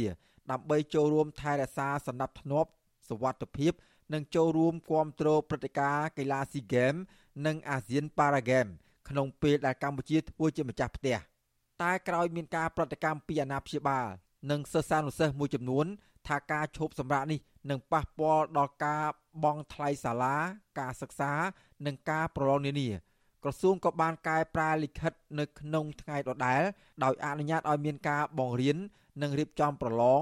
តាមប្រព័ន្ធអនឡាញឬដោយផ្ទាល់តាមតម្រូវការជាក់ស្ដែងជាទូទៅ ថ្ងៃឈប់សម្រាកឬវិសមកាលធំរបស់សិស្សានុសិស្សចាប់ផ្ដើមនៅខែកក្កដា ហើយការផ្លាស់ប្ដូរពេលវេលាឈប់សម្រាកដើម្បីតម្រូវឲ្យចំថ្ងៃព្រឹត្តិការណ៍កីឡាស៊ីហ្គេមបែបនេះអាចនឹងប៉ះពាល់ដល់ការសិក្សារបស់សិស្សានុសិស្សដែលទើបចូលរៀនបានតែជាង3ខែប៉ុណ្ណោះវិទ្យុអាស៊ីសេរីនៅពុំទាន់អាចតាក់ទងแนะនាំពាក្យក្រសួងអប់រំយុវជននិងកីឡាលោករស់សុវិចាដើម្បីសុំការបោះស្រាយជុំវិញក្តីកង្វល់នេះបានទេនៅថ្ងៃទី24មិនិនាតាក់ទងនឹងរឿងរ៉ាវនេះប្រធានសមាគមគ្រូបង្រៀនកម្ពុជាឯករាជ្យ អ្នកស្រីអុកឆាយាវីយល់ឃើញថាបញ្ហានេះវាពិតជាមានផលប៉ះពាល់ខ្លះៗដល់ការសិក្សា និងការប្រឡងរបស់សិស្សានុសិស្សដែលតម្រូវឲ្យមានការផ្លាស់ប្តូរការបរិច្ឆេទប្រឡង និងកម្មវិធីសិក្សាមួយចំនួន តែយ៉ាងណា អ្នកស្រីយល់ថាក្រសួងអប់រំយុវជននិងកីឡាឬរដ្ឋាភិបាលមិនត្រូវធ្វើសកម្មភាពអូសទាញដោយបង្ខំឲ្យបុគ្គលិកអប់រំឬសិស្សានុសិស្សចូលរួមព្រឹត្តិការណ៍ដោយគ្មានការស្ម័គ្រចិត្តពីពួកគេ ដើម្បីផលប្រយោជន៍មុខមាត់និងប្រជាប្រិយភាពរបស់ខ្លួននោះឡើយកុំបង្ខំថាទៅតែទៅទាំងអស់គ្នាឬក៏យ៉ាងណាខ្ញុំគិតថានេះជាទលាយជាងបើមិនវាថាដាក់កំហិតបានន័យថាការបង្ខំចឹងព្រឹត្តិការណ៍កីឡាស៊ីហ្គេមលើកទី32និងអាស៊ានប៉ារ៉ាហ្គេមលើកទី12នឹងប្រព្រឹត្តទៅនៅថ្ងៃទី5ខែឧសភាព្រឹត្តិការណ៍កីឡានេះធ្វើឡើងនៅក្នុងតំបន់អាស៊ីរៀងរាល់2ឆ្នាំម្ដង ដើម្បីជួយពង្រឹងកិច្ចសហប្រតិបត្តិការក្នុងតំបន់ការយល់ដឹងនិងការឯកភាពគ្នាក្នុងសហគមន៍អាស៊ីអាគ្នេយ៍ហៅកាត់ថាអាស៊ាន និងដើម្បីតេទៀងការចាប់អារម្មណ៍ពីមនុស្សរាប់លាននាក់នៅក្នុងតំបន់ទោះយ៉ាងណាអ្នកឃ្លាំមើលយល់ថារដ្ឋាភិបាលកម្ពុជា ហាក់មានចេតនាកេងចំណេញនយោបាយជាជាងចេតនាលើកកម្ពស់វិស័យកីឡាដោយការប្រើប្រាស់វិធីការកីឡាស៊ីហ្គេមដើម្បីបង្ហាញសមិទ្ធផលនានាក្រោមការដឹកនាំរបស់រដ្ឋាភិបាលបច្ចុប្បន្នដល់ភ្ញៀវអន្តរជាតិដែលបានមកចូលរួមនោះបានឃើញជាមួយគ្នានេះគណៈបកកណ្ដាលអំណាចបានដាក់ការបរិច្ឆេទប្រកួតកីឡា នៅជិតពេលឃោសនាបោះឆ្នោតនៅខែកក្កដាគឺមានចេតនាដើម្បីទទួលបានការគ្រប់គ្រងពីសំណាក់ប្រជាពលរដ្ឋតែប៉ុណ្ណោះខ្ញុំបាទសេកបណ្ឌិតវិទ្យុអាស៊ីសេរីពីរដ្ឋធានីវ៉ាស៊ីនតោន លោកអ្នកស្ដាប់ជាទីមេត្រីដែលឡាយតាក់ទងនឹងរដ្ឋមន្ត្រីក្រសួងកសិកម្មលោកដិតទីណានៅពេលដាក់ឡើងកាន់តំណែងកាលពីចុងឆ្នាំ2022លោកបានប្រកាសថានឹងខិតខំជួយឲ្យកសិករមានជីវភាពធូរធារតាមរយៈផលចំណេញពីរបរកសិកម្មក៏ប៉ុន្តែកសិករមួយចំនួននៅខេត្តកណ្ដាលត្អូញត្អែថាបន្លែរបស់ពួកគេដាំដុះបានហើយក៏ប៉ុន្តែលក់បានតម្លៃទាបនិងករណីខ្លះទៀតលក់មិនចេញ ទើបសម្រាប់ចិត្តព្យួរបន្លែទាំងនោះចោលចាលោកជាតិចំណានមានសេចក្តីរាយការណ៍ជំវិញបញ្ហារបស់កសិករទាំងនោះដូចតទៅកសិករនៅក្នុងស្រុកស្អាងខេត្តកណ្ដាលលោកសំសុគិនបានព្យួរបន្លែសាឡាត់ចំនួន5តោនចោលកាលពីថ្ងៃទី24ខែមិនិនាលោកបញ្ជាក់ថាមូលហេតុដែលលោកសម្រេចចិត្តព្យួរចោលនេះដោយសារតែគ្មានអ្នកទិញទៅដល់ចំការលោកសំសុគិនបន្តថាបើលោកជួលគេដកដើម្បីរៀបចំទៅលក់នៅផ្សារដើមកក្នុងរាជធានីភ្នំពេញដែលមានចម្ងាយប្រមាណ50គីឡូម៉ែត្រនោះ នឹងទទួលបានតម្លៃ1គីឡូក្រាមត្រឹមតែ500រៀលប៉ុណ្ណោះដែលតម្លៃនេះធ្វើឲ្យលោកខាតមួយកម្រិតទៀតលោកថាលោកខិតខំថែបន្លែបានល្អហើយចំណាយដើមទុនអស់ជាង3លានរៀលហើយការព្យួរចោលនេះធ្វើឲ្យប៉ះពាល់ដល់ជីវភាពរបស់លោកយ៉ាងខ្លាំងនឹងប៉ះពាល់ជីវភាពធ្ងន់ណានិយាយរួមទៅព្រោះយើងដាំជួនបានជួនបានវិភាគច្រើនគឺជួបតែថោកនឹងហ្មងដល់ចឹងហើយយើង កសិករពួកខ្ញុំអ្នកដាំហ្នឹងជីវភាពធាក់ថយទៅរហូតហ្នឹងលោកសំសុគិនដែលមានវ័យ42ឆ្នាំថ្លែងថាលោកបានដាំបន្លែជាង10ឆ្នាំមកហើយគឺតែងតែជួបបញ្ហាមិនមានទីផ្សារស្ទើរជារៀងរាល់ឆ្នាំលោកបន្តថាលោកនឹងមិនឲ្យកូនរបស់លោក3នាក់ធ្វើរបរកសិកម្មដូចលោកនោះទេកូនខ្ញុំខ្ញុំអត់ឲ្យខ្នងបន្តខ្ញុំឲ្យខំរៀនអត់ឲ្យធ្វើដូចខ្ញុំទេធ្វើដូចខ្ញុំហត់នឿយហើយអត់ទៀងបានហើយបានហើយ ពាក់ផាកពាក់ច្រើនហ្នឹងជួបឲ្យខាតហ្នឹងច្រើនជាងកណ្ដាញកសិករម្នាក់ទៀតនៅស្រុកកោះធំ លោកស្រីសែមសុភាឲ្យដឹងថាកាលពីជាង1ខែមុនបន្លែប្រភេទត្រកួននិងតាំងអោរបស់លោកស្រីមួយចំនួនក៏ត្រូវបានលោកស្រីព្យួរចោលដោយសារតែតម្លៃថោកនិងលក់មិនអស់លោកស្រីបន្តថាបច្ចុប្បន្នទីផ្សាររួមនៅក្នុងស្រុកកោះធំនិងផ្សារតូចតូចផ្សេងទៀតនៅក្បែរនោះ មិនសូវមានមនុស្សទេដែលកាលពីមុនលោកស្រីលក់បន្លែពីរាប់សិបទៅរាប់រយគីឡូក្រាមក្នុងមួយថ្ងៃតែឥឡូវលក់បានតែចំនួនក្រោម10គីឡូក្នុងមួយថ្ងៃតែប៉ុណ្ណោះលោកស្រីបញ្ជាក់ថាបន្លែស្ទើរគ្រប់ប្រភេទមានតម្លៃទាបធ្វើឲ្យលោកស្រីនិងកសិករផ្សេងទៀតអស់សង្ឃឹមទៅលើរបរនេះលក់អត់ចេញឲ្យមើលលេងនិយាយសំលេងគីឡូ200ថប់មិនមើលថប់ស្រួយលេងគីឡូបាន500 400ហើយគេអត់ទិញទៀតឡើយគេអត់ឲ្យទៀតហើយគេខំណាំហើយតែហ្នឹងបេះលក់នេះបានគីឡូ2000ហើយនឹង2 3000 កសិករនៅឯស្រុកកោះធំម្នាក់ទៀតលោកសនសុងឲ្យដឹងថាបន្លែចុះថោកពេកធ្វើឲ្យកសិករនៅតំបន់ដែលលោករស់នៅឈប់ស្រោចទឹកនិងឈប់មើលថែបន្លែមានដែរប៉ុន្តែបន្លែហ្នឹងឥឡូវប្រជាជនដាំហ្នឹងវាថោកគ្នាត្អូញលឺគ្រប់គ្នាហើយដាំបន្លែភាគច្រើននៅភូមិខ្ញុំដាំគ្រាប់ស្រួយច្រើន1គីឡូឥឡូវថា1គីឡូ800 700 800ទ្របស្រួយហ្នឹង ទៀតទៀតតស្នាម2000 3000ហ្នងហើយដល់ធ្លាក់មកប៉ុណ្ណឹងអ្នកខ្លះក៏លេងស្រោចទឹកស្រោចអីវាអត់រួចតម្លៃកសិករដែលជួបបញ្ហាទាំងនេះលើកឡើងថាបញ្ហាបច្ចេកទេសដាំដុះនិងបញ្ហាទីផ្សារគឺពួកគាត់តែងតែដោះស្រាយដោយខ្លួនឯងគម្រមានអាជ្ញាធរទៅជួយដោះស្រាយណាបើទោះបីជាមានការស្នើសុំក៏ដោយប្រធានមជ្ឈមណ្ឌលប្រជាពលរដ្ឋដើម្បីការអភិវឌ្ឍនិងសន្តិភាពលោកយងកំឯងលើកទឹកចិត្តឲ្យកសិកររួមគ្នាហើយកំណត់បញ្ហាដែលកំពុងជួបប្រទះឲ្យបានច្បាស់លាស់ ដើម្បីស្នើឲ្យអាជ្ញាធរជួយដោះស្រាយទាំងការជួបដោយផ្ទាល់និងការធ្វើលិខិតតាមបណ្ដាញទំនាក់ទំនងសង្គមទន្ទឹមនឹងនេះលោកយងកំឯងជំរុញឲ្យអាជ្ញាធរជំនាញពាក់ព័ន្ធត្រូវឆ្លើយតបបញ្ហារបស់ពលរដ្ឋឲ្យបានទាន់ពេលវេលាការឆ្លើយតបជាលក្ខណៈបច្ចេកទេសមួយចំនួនដើម្បីឲ្យប្រជាពលរដ្ឋនឹងអាចសង្ឃឹមទុកក្នុងចិត្តបាទនេះជារឿងមួយសំខាន់ហើយបើសិនជាការលើកឡើងរបស់ប្រជាពលរដ្ឋហើយអាជ្ញាធរហើយ ស្ថាប័នដែលមានសមត្ថកិច្ចឬក៏ស្ថាប័នជំនាញมันមានការឆ្លើយតបទេជាបរដ្ឋគ្នាពិបាកបាទនឹងថាទៅពឹងអ្នកណាទៀតជាធម្មតាកាលណាគ្នាមានបញ្ហាគ្នាមកពឹងអាជ្ញាធរហើយបាទវិសុអាស៊ីសេរីមិនអាចតាក់ទងមន្ត្រីពាក់ព័ន្ធដើម្បីសុំការបកស្រាយលើករណីនេះរួមមានប្រធានមន្ត្រីកសិកម្មខេត្តកណ្ដាលលោកប៊ុនទួនស៊ីម៉ូណានិងអភិបាលខេត្តកណ្ដាលលោកគង់សុភ័ណ្ឌដោយទូរស័ព្ទហៅចូលតែមិនមានអ្នកទទួលចំណែកអ្នកនាំពាក្យក្រសួងកសិកម្ម កញ្ញាអឹមរចនាបានលើកទូរស័ព្ទហើយប្រាប់ថាជាប់រវល់ជុំវិញបញ្ហានេះរដ្ឋលេខាធិការក្រសួងកសិកម្មលោកយ៉ងសង្គមាមានប្រសាសន៍ថាក្រសួងកំពុងយកចិត្តទុកដាក់ដោះស្រាយដោយជ្រើសរើសមន្ត្រីឲ្យធ្វើការងារតាមឃុំដើម្បីរៀបចំឲ្យកសិករមានផែនការផលិតចងក្រងជាក្រុមនិងចុះកិច្ចសន្យាជាមួយអ្នកទិញលោកបន្តថាផែនការនេះអាចដោះស្រាយទាំងតម្លៃបន្លែនិងកសិផលផ្សេងផ្សេងទៀតអឺអ្វីដែលសំខាន់ទៅក្រសួង ពងចាប់ដើមធ្វើហ្នឹងគឺការឲ្យកសិករដែលផលិតអ្នកលក់មកកាន់ទីផ្សារមិនធំតែបន្លែគ្រប់លទ្ធផលអស់ណាយើងនឹងឲ្យគាត់ចោះឈ្មោះហើយរៀបចំជាក្រុមជាសហគមន៍ណាហើយនឹងសម្របសម្រួលឲ្យមានកិច្ចសន្យាទីផ្សារជាមួយក្រុមហ៊ុនជាមួយអីផ្សេងផ្សេងជាមួយអ្នកទិញយកទៅលក់តអញ្ចឹងណា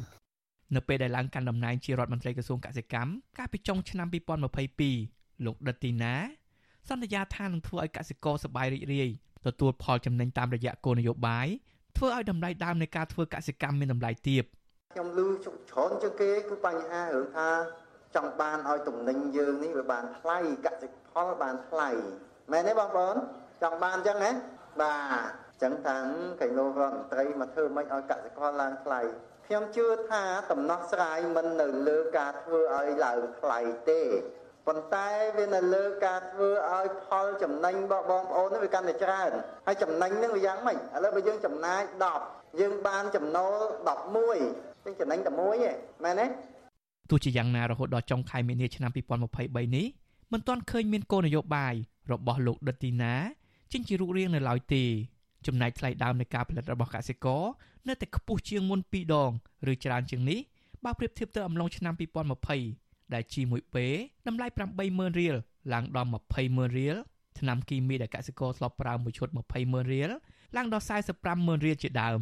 ទន្ទឹមនឹងកសិករស្ទើរទូទាំងប្រទេសបានបង្ហាញវីដេអូជាបន្តបន្ទាប់លើបណ្ដាញទំនាក់ទំនងសង្គមដោយអ្នកខ្លះប្រើពាក្យអង្វរក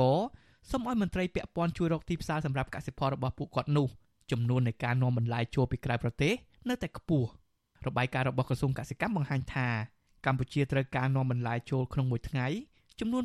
2500តោនដែលភាគច្រើននាំចូលពីប្រទេសវៀតណាមនិងចិនខ្ញុំបាទជាតិចំណាន Visual Society ប្រធានាទី Washington ចាលោកអ្នកស្ដាប់ជាទីមេត្រីពាក់ព័ន្ធនឹងពលករខ្មែរដែលធ្វើចំណាក់ស្រុកទៅរកការងារធ្វើនៅឯប្រទេសថៃឯនោះវិញពួកគេក៏បានត្អូញត្អែពីស្ថានភាពរស់នៅលំបាកជាខ្លាំងដោយសារតែអត់ការងារធ្វើតើមន្ត្រីសង្គមស៊ីវិលមានសំណុំពរអ្វីខ្លះដល់រដ្ឋាភិបាលឲ្យជួយពលករខ្វះខាតទាំងនោះ ចាសសេចក្តីរាយការណ៍ពិស្ដារអំពីរឿងនេះលោកតានាងក៏នឹងបានស្ដាប់នាពេលបន្តិចទៀតនេះចាលោកនាងកញ្ញាកំពុងស្ដាប់ការផ្សាយរបស់វិទ្យុអសីសេរីផ្សាយចេញពីរដ្ឋធានី Washington ចាដំណើរគ្នានឹងស្ដាប់ការផ្សាយរបស់វិទ្យុអសីសេរីតាមបណ្ដាញសង្គម Facebook និង YouTube លោកនាងកញ្ញាក៏អាចស្ដាប់ការផ្សាយរបស់វិទ្យុអសីសេរី តាមរយៈរលកធាតុអាកាសខ្លីឬ Short Wave តាមកម្រិតនិងកម្ពស់ដូចតទៅចាប់ពេលព្រឹកចាប់ពីម៉ោង5កន្លះដល់ម៉ោង6កន្លះតាមរយៈប៉ុស SW 9.39 MHz ស្មើនឹងកម្ពស់ 32m និងប៉ុស SW 11.85 MHz ស្មើនឹងកម្ពស់ 25m ចាសម្រាប់ពេលយប់វិញចាប់ពីម៉ោង7កន្លះដល់ម៉ោង8កន្លះ តាមរយៈប៉ុស SW 9.39 MHz ស្មើនឹងកម្ពស់ 32m ប៉ុស SW 11.88 MHz ស្មើនឹងកម្ពស់ 25m និងប៉ុស SW 15.15 MHz ស្មើនឹងកម្ពស់ 20m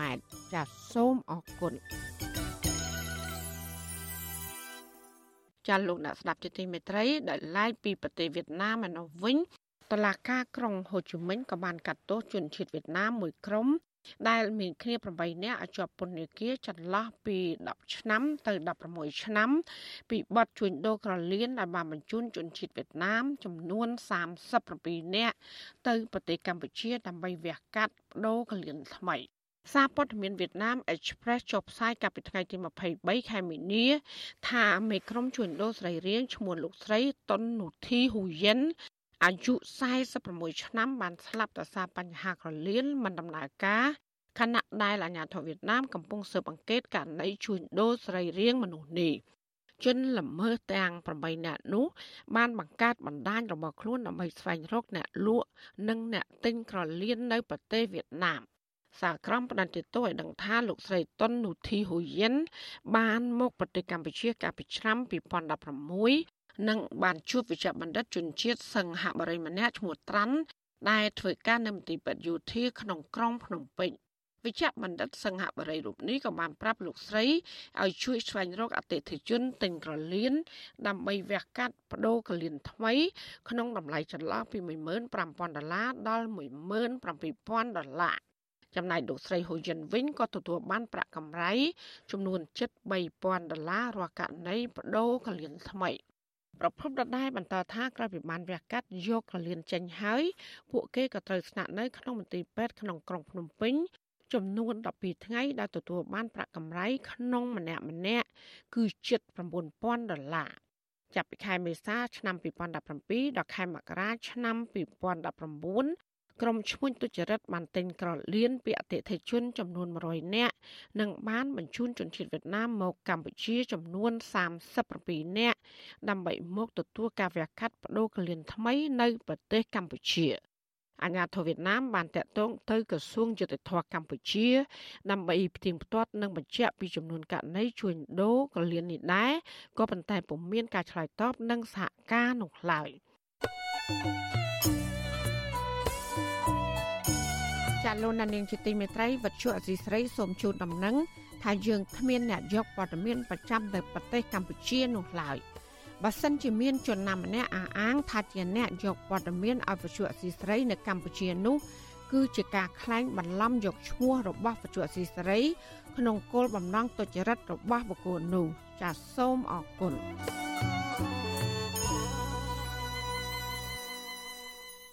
ចាលោកអ្នកស្ដាប់ទទីមេត្រីអាជីវកម្មរ៉ែមាសខុសច្បាប់បែបអនាធិបតេយ្យជាច្រើនកន្លែង នៅតំបន់ភ្នំលុងខេត្តប្រវត្តិហានៅតែជាបញ្ហាប្រឈមដដែលដដែលដែលរដ្ឋាភិបាលគ្មានយន្តការគ្រប់គ្រងឲ្យមានដំណាភាពនៅឡើយចាប្រជាប្រដ្ឋសោកស្ដាយពីការបាត់បង់ធនធានរ៉ែមាស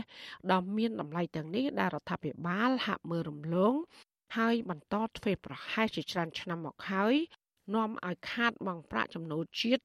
និងដីធ្លីស្រែចម្ការរបស់ជនជាតិដើមភាគតិចជាច្រើនគ្រួសារចាត់លោកទីនសាករាយាមានសេចក្តីរាយការណ៍ពុស្ដាជំវិញព័ត៌មាននេះជនជាតិដើមភាគតិចគួរជាច្រើនគ្រួសារនៅតំបន់ភ្នំលុងឃុំរំទុំចោរវៀង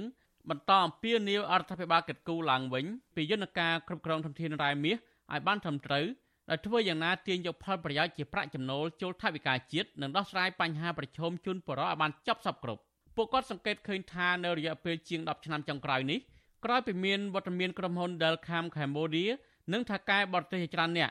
បើកការដ្ឋានធ្វើអាជីវកម្មរ៉ែមាសនៅតំបន់នោះធ្វើឲ្យអ្នកភូមិលំបាកមិនត្រឹមតែធ្វើឲ្យបាត់បង់ធនធានធម្មជាតិប៉ុណ្ណោះទេ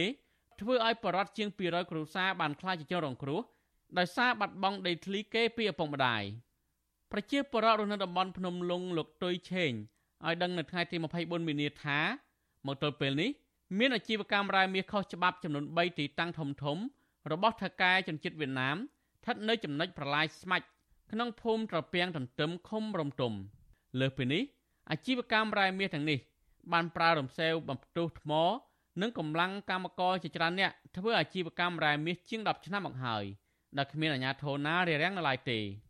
លោកអះអាងថាទីតាំងរ៉ែមាសខុសច្បាប់ទាំងនេះមានថៅកែជនជាតិវៀតណាម3នាក់ដែលគេស្គាល់ឈ្មោះហៅក្រៅថាជេង ជីនិងឈ្មោះកេងបានខົບខិតគ្នាជាមួយអភិបាលស្រុករវៀងលោកហៅប៊ុនហួរកាំងអាជីវកម្មរបស់ខ្លួនលោកបន្តថាថកែជនជាតិវៀតណាមទាំងនេះបានធ្វើអាជីវកម្មដោយជីករណ្ដៅធំធំ បង្ហូរកាកសំណល់គីមីចូលទឹកអូប៉ះពាល់ដល់គុណភាពទឹកហើយកន្លងទៅ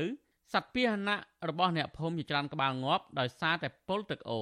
ដាក់គីមីដាក់អីហើយម្យ៉ាងទៀតធនធានធម្មជាតិនៅក្នុងដីហ្នឹងឯងវាបាត់អស់ដោយប៉ះពាល់ហ្នឹងណាហើយយកអរែងអំណាចអបាលស្រុកហ្នឹងឯងយកមកគម្រាមប្រជាជនចង់ធ្វើម៉េចតាមអំពើចិត្តវាណាបងខែ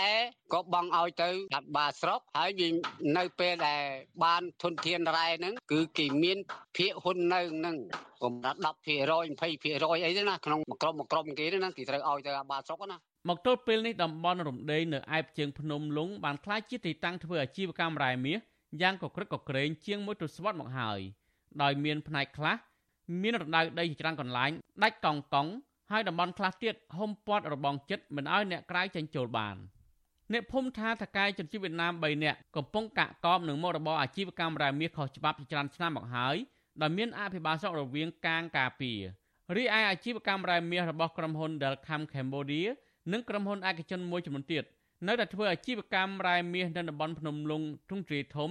ដោយហុំព័ទ្ធយកដីនៅតំបន់នោះមួយផ្នែកធំនិងមានសន្តិសុខយាមកាមយ៉ាងប្រុងប្រយ័ត្នមិនឲ្យមនុស្សប្លែកមុខចេញចូលបានទេកន្លងទៅក្រសួងរ៉ែធ្លាប់បកស្រាយថាក្រុមហ៊ុន Delcam Cambodia ទើបចាប់ផ្ដើមសាកល្បងផលិតមាសនៅដើមខែសីហាឆ្នាំ2022នៅតំបន់ភ្នំលុងដោយផលិតបានមាសចំនួន20គីឡូក្រាម តំណាងបរដ្ឋលោកទុយឆេងបន្ថែមថានៅគ្រាដែលអាជ្ញាធរបាក់ដៃឲ្យមានអាជីវកម្មរ៉ែមាសខុសច្បាប់ ការប្រើប្រាស់សារជាតិគីមីបំផ្ទុះថ្ម ការខួងរណ្ដៅដី មិនប្រក្រតីនិងធ្វើអាជីវកម្មដោយគ្មានលក្ខណៈបច្ចេកទេសច្បាស់លាស់បង្កគ្រោះថ្នាក់ដល់បរិស្ថាននិងជីវិតមនុស្សលោកថាកន្លងទៅមនុស្សយ៉ាងហោចណាស់ជាង10នាក់បានស្លាប់នៅក្នុងរណ្ដៅរ៉ែមាសហើយសត្វពាហនៈអ្នកស្រុករាប់រយក្បាលទៀតបានងាប់ជាបន្តបន្ទាប់នៅពេលផឹកទឹកអូដែលគេបង្ហូរសារជាតិគីមីចូល លោកអះអាងថារដ្ឋាភិបាលខ្វះចន្លោះច្រើនគ្រប់គ្រងធនធានរ៉ែមាសនៅតំបន់ភ្នំលុងជាច្រើនឆ្នាំមកហើយធ្វើឲ្យជនជាតិដើមភាគតិចរាប់រយគ្រួសារមានបញ្ហាជាច្រើនដោយសារចំនួនដីធ្លីនិងការបាត់បង់ទីកន្លែងអាស្រ័យផលធនធានធម្មជាតិបែបប្រពៃណីលំបាកយ៉ាងម៉េចក៏គេធ្វើបានបានថាម៉េចថាគេធ្វើបាន គេមានលុយ ដូច្នេះគេបង់ទៅពួកអស់នឹងតែបង់លុយឲ្យវាវាឲ្យយើងវាឲ្យធ្វើដូច្នេះធ្វើទៅគេដូចជាគេបកគលអំណាចនឹងឯងទៅឲ្យពួកវានឹងឯងណាហើយបានខ្ញុំថាអំណាចនៅលើពួកវានោះអញ្ចឹងណាយុវជនម្នាក់ដែលបានចុះពិនិត្យទីតាំងរ៉ែមាសនៅតំបន់ភ្នំលុងគឺលោកស្រីខែមស្រីមុំប្រាប់វិទ្យុអាស៊ីសេរីថាអាជីវកម្មរ៉ែមាសជាច្រើនកន្លែងនៅតំបន់នោះពុំបានផ្ដល់ផលច្រើនមកដល់ប្រជាសហគមន៍មូលដ្ឋាននោះឡើយតែផ្ទុយទៅវិញធ្វើឲ្យបរិយាច្រើនគ្រួសារ ជួបការលំបាកផ្នែកជីវភាពដោយសារបាត់បង់ដីបង្កបង្កើនផលលោកស្រីថាអាញាធរគ្មានភាពច្បាស់លាស់គ្រប់គ្រងរ៉ែមាសឲ្យបានត្រឹមត្រូវនៅឡើយខណៈដើររណ្ដៅដីរាប់រយកន្លែងពាសពេញដីស្រែចម្ការនៅតំបន់ភ្នំលុងគឺជាស្នាមរករ៉ែមាសបែបអាណាធិបតេយ្យប៉ះពាល់បរិស្ថានលោកស្រីអំពីនីវអរដ្ឋាភិបាលចាប់អារម្មណ៍គ្រប់គ្រងធនធានរ៉ែមាសឡើងវិញជៀសវាងបណ្ដាបណ្ដោយឲ្យរឿងនេះកើតឡើងដដែលដដែលគ្មានដោះស្រាយ។ ពេញបាញ់ដីវិញហងហងអញ្ចឹងណាតែនឹងលុបមិនអីមិនអញ្ចឹងតែយើងស្រុតដីដាក់ដីអញ្ចឹងខ្ញុំអត់អីទេអញ្ចឹងវាការគ្រប់គ្រងវានៅអន់ណាដឹកវាគ្រប់គ្រងអីអញ្ចឹងទេនៅក្រុមហ៊ុនធំធំទៀតទៅវាអត់មានអញ្ចឹងទៀតខ្លាចមានហានិភ័យប៉ះពាល់ផ្សេងផ្សេងការយករករ៉ែអត់ប្រយោជន៍ហើយអាការបាត់បង់ដីនឹងទៀតពលរដ្ឋបាត់បង់ដីលួចឆ្លត់នឹងទៀតវាវាលើដើមវាអញ្ចឹងវាអូជាក្បាលទៅទៅអាសុកវារៀងវាទៅមុនពេលមិនទាន់មានវត្តមានក្រុមហ៊ុនឯកជនចម្រាញ់រ៉ែមាស និងទីតាំងអាជីវកម្មរ៉ែមាសខុសច្បាប់នៅតំបន់ភ្នំលុងកាលពី20ឆ្នាំមុនតំបន់ភ្នំលុងគឺជាកន្លែងផ្ដល់សក្តានុពលសម្រាប់អ្នកភូមិរកអនុផលប្រៃឈើនិងរ៉ែមាសលក្ខណៈសហគមន៍ក៏ប៉ុន្តែមកទល់ពេលនេះមុខរបរទាំងនេះបានបាត់បង់ស្ទើរតែទាំងស្រុងអស់ហើយចំណែកអាញាធរមូលដ្ឋាននៅតែលំអៀងខាងភៀកគីក្រុមហ៊ុន និងថាការចិញ្ចឹមវៀតណាមគម្រាមឲ្យបរតលក់ដីថោកថោកហើយមានបរតខ្លះទៀតផ្លាស់ប្ដូរលំនៅឋានព្រោះបារម្ភពីសុវត្ថិភាពផ្ទាល់ខ្លួន។ វិទ្យុអាស៊ីសេរីមិនអាចតាក់ទងសំការបំភ្លឺពីរឿងនេះពីអ្នកនាំពាក្យក្រសួងរាយនឹងធម្មពលលោកអឹងឌីប៉ូឡាបានអាឡ័យទេកាលពីថ្ងៃទី24មិនិនាក៏ប៉ុន្តែអ្នកនាំពាក្យរំនេះធ្លាប់បានថ្លែងនៅក្នុងសន្និសីទសារព័ត៌មានមួយកាលពីខែសីហាឆ្នាំ2022ដោយអះអាងថាក្រសួងរាយបានលុបបំបាត់ស្ទើរតែទាំងស្រុងអាជីវកម្មរ៉ែមាសបែបអនាធបត័យនានានៅទូទាំងប្រទេសដើម្បីធានាបាននៅសុខដុមរមនាដល់ប្រជាពលរដ្ឋនៅតំបន់រ៉ែមាសលោកអះអាងថាក្រុមហ៊ុន Delcam ក្រុងនឹងផលិតមាសឲ្យបាន340គីឡូក្រាមក្នុងមួយឆ្នាំដោយត្រូវបង់ពន្ធជូនរដ្ឋជិត60ម៉ឺនដុល្លារក្នុងមួយឆ្នាំដែលគម្រោងនេះជាការបណ្ដាក់ទុនរួមគ្នាជាមួយអ្នកវិនិយោគក្នុងស្រុកនិងជនជាតិចិនតើមូលធិរ៉ែនេះបានមកពីណានៅពេលដែលក្រុមហ៊ុនមួយគាត់ធ្វើអាជីវកម្មរ៉ែនៅទីតាំងណាគាត់មានកាតព្វកិច្ចបង់បង់នៅថវិកាទៅលើតោនទៅលើម៉ែត្រគីបនៃផលិតផលរ៉ែដែលបាត់គាត់ទាញយកមកប្រើប្រាស់ហ្នឹង តំបន់ភ្នំលុងមានផ្ទៃដីជាង1200ហិកតាដែលសម្បូរដោយរ៉ែមាសក្រោមដីត្រូវបានក្រុមហ៊ុន Delcom និងក្រុមហ៊ុនមួយចំនួនទៀតរួមទាំងថកែជនជាតិវៀតណាមជាច្រើនអ្នកពុះចែកគ្នាធ្វើអាជីវកម្មដោយបើកចំហមកទល់ពេលនេះបរដ្ឋជាង200គ្រួសារនៅក្នុងភូមិចំនួន7ដែលភាគច្រើនជាជនជាតិដើមភាគតិចគួយកំពុងមានចំនួនដីធ្លីរ៉ាំរ៉ៃជាមួយក្រុមហ៊ុននិងបកគលមានអំណាចបន្ទាប់ពីមានវត្តមានក្រុមហ៊ុនទាំងនេះ។ ប្រជាពលរដ្ឋចាត់ទុកអាជីវកម្មរ៉ែមាសទាំងនេះថាជាអក្រិតកម្មធនធានធម្មជាតិកេងប្រវ័ញ្ចសម្បត្តិជាតិជាច្រើនឆ្នាំមកហើយធ្វើឲ្យរដ្ឋខាត់បង់ប្រាក់ចំណូលជាតិវិទ្យុអសិរ័យមិនអាចតតងសំការបំភ្លឺពីរឿងនេះពីតំណាងក្រុមហ៊ុន Delcom បាននៅឡើយទេនៅថ្ងៃទី24មីនាជុំវិញនឹងរឿងនេះមន្ត្រីសម្រាប់សម្រួលសមាគមអាតហុកខេត្តព្រះវិហារលោកឡៅច័ន្ទយល់ឃើញថារដ្ឋាភិបាលគួរតែពិនិត្យឡើងវិញនៅបញ្ហានេះព្រោះការបណ្ដាបណ្ដោយឲ្យមានអាជីវកម្មរ៉ែមាសខុសច្បាប់ប៉ះពាល់ធំធេងដល់បរិស្ថាន និងរំលោភសិទ្ធិបរិវត្តលោកថារដ្ឋាភិបាលគួរតែអនុវត្តច្បាប់លើមន្ត្រីខិលខូចដែលខົບខិតជាមួយជនបរទេសដែលធ្វើអាជីវកម្មរ៉ែមាសខុសច្បាប់អញ្ចឹងខ្ញុំថាតែមួយឆ្នាំ4 10ឆ្នាំអីចឹង10 20ឆ្នាំ30ឆ្នាំទៀតក៏វានៅតែដដែលដដែលដែរពីព្រោះរឿងនោះវាអត់ចេះចប់ចេះហើយទេលុះត្រាតែបោះអានរបានស្អាតទៅនឹងមន្ត្រីមួយចំនួនដែលបានគប់ខិតជាមួយក្រុមហ៊ុនខុសច្បាប់ក៏ដូចជាឈ្មោះខុសច្បាប់នឹងទៅអាចទៅរួចតំណាងបរដ្ឋលោកទុយឆេងបន្ថែមថាអាជីវកម្មរ៉ែមាសនៅតំបន់ភ្នំលុង អាចរកមាសបានជាច្រើនតោនក្នុងមួយឆ្នាំមួយឆ្នាំរយៈពេលជាង10ឆ្នាំមកហើយហើយមិនបានបង់ពន្ធចូលរដ្ឋទាល់តែសោះចំណែកឯអ្នកដែលទទួលបានផលប្រយោជន៍គឺក្រុមអ្នកមានអំណាចមន្ត្រីខលខូចនិងក្រុមហ៊ុនរីឯប្រជាពលរដ្ឋខ្មែរមិនត្រឹមតែគ្មានផលពីអាជីវកម្មរ៉ែមាសទាំងនេះទេតែបែរខ្លាចជាជនរងគ្រោះដោយសារតែវិបត្តិដីធ្លីធនធានធម្មជាតិនិងគោក្របីងាប់អស់ជាច្រើនក្បាលដោយសារតែពុលសារធាតុគីមីខ្ញុំទីនសាការីយ៉ាអស៊ីសេរីប្រធានីវ៉ាស៊ីនតោន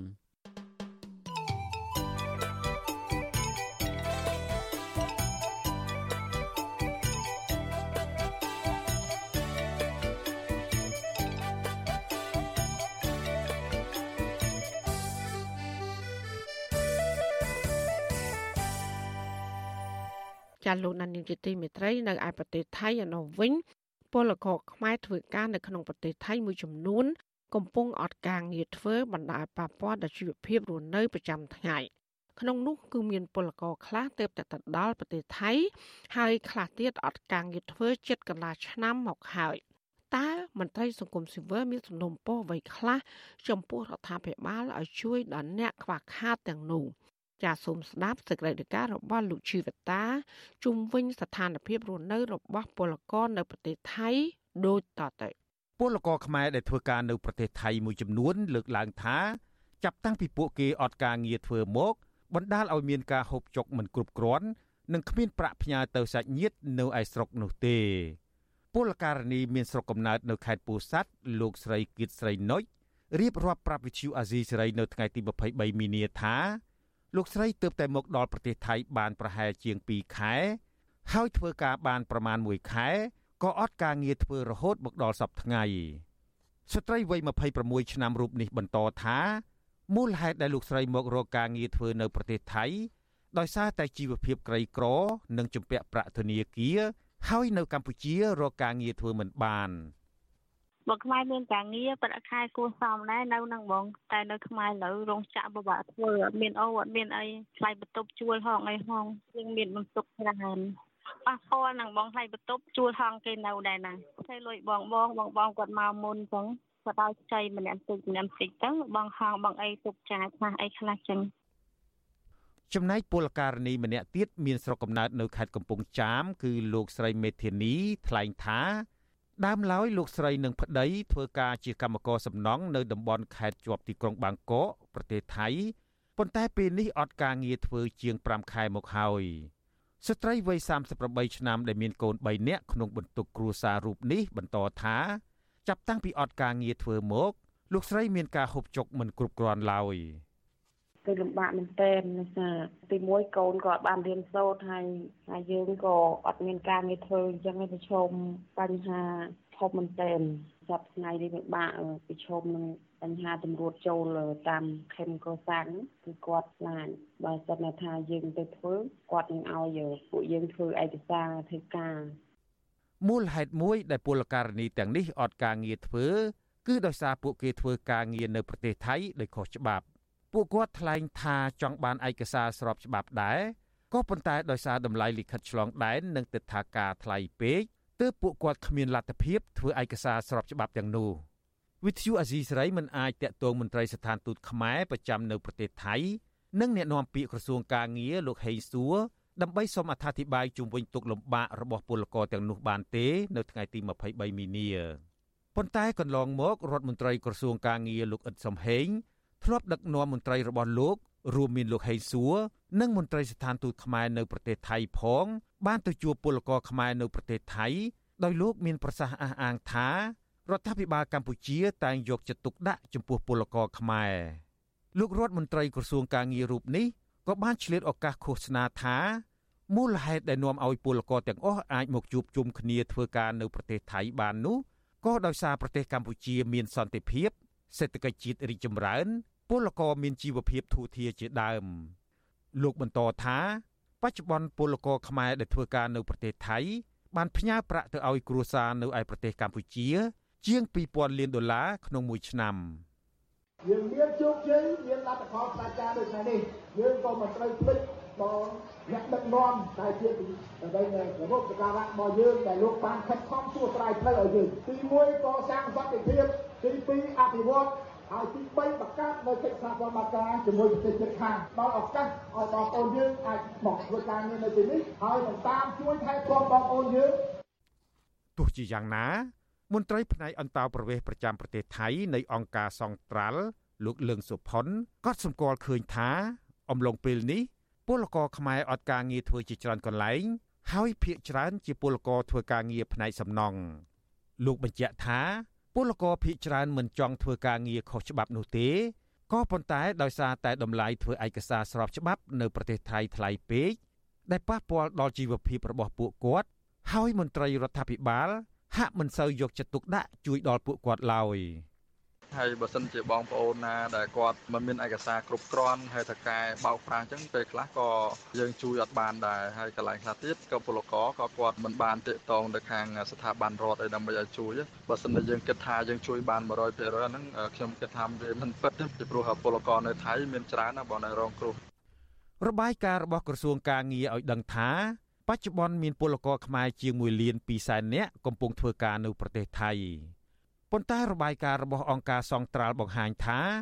ពលករខ្មែរធ្វើការស្របច្បាប់និងមិនស្របច្បាប់មានប្រមាណ2លាននាក់នៅប្រទេសថៃមន្ត្រីសង្គមស៊ីវិលលោកលឹងសុផុនបន្តថាពលករមួយចំនួន ជាពិសេសពលករមិនស្របច្បាប់ទទួលរងការរំលោភបំពានសិទ្ធិការងារនិងបាត់បង់ផលប្រយោជន៍ដែលធ្វើឲ្យប៉ះពាល់ដល់សេដ្ឋកិច្ចគ្រួសាររបស់ពួកគេ លោកបញ្ជាក់ថា ដើម្បីដោះស្រាយបញ្ហានេះ រដ្ឋាភិបាលកម្ពុជា គួរតែបញ្ចុះតម្លៃធ្វើលិខិតឆ្លងដែនសម្រាប់ពលករនិងស្នើទៅភាគីថៃឲ្យបញ្ចុះតម្លៃធ្វើទឹកថាការការងារផងដែរដើម្បីសម្រួលដល់ពួកគេឲ្យមានឯកសារស្របច្បាប់ធ្វើការទាំងអស់គ្នាខ្ញុំជីវិតាអាស៊ីសេរី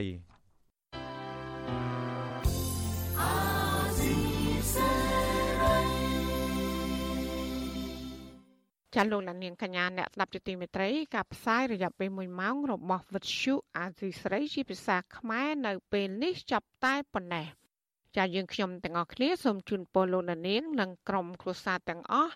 សូមជួបប្រកបតែនឹងសេចក្តីសុខសេចក្តីចម្រើន ជានិរន្តរ៍ចានាងខ្ញុំម៉ៃសុធានីព្រមទាំងក្រុមការងារទាំងអស់របស់អាស៊ីស្រីសូមអរគុណនិងសូមជម្រាបលា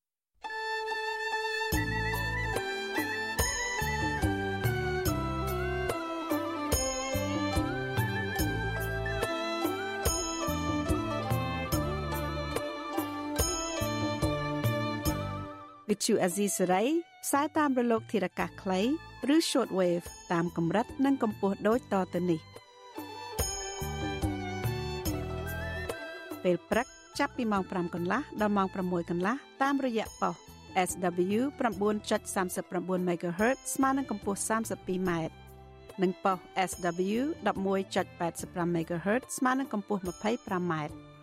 ពេលយប់ចាប់ពីម៉ោង7កន្លះដល់ម៉ោង8កន្លះតាមរយៈប៉ុស SW 9.39 MHz ស្មើនឹងកម្ពស់ 32m ប៉ុស SW 11.88 MHz ស្មើនឹងកម្ពស់ 25m និងប៉ុស SW 15.15 MHz ស្មើនឹងកម្ពស់ 20m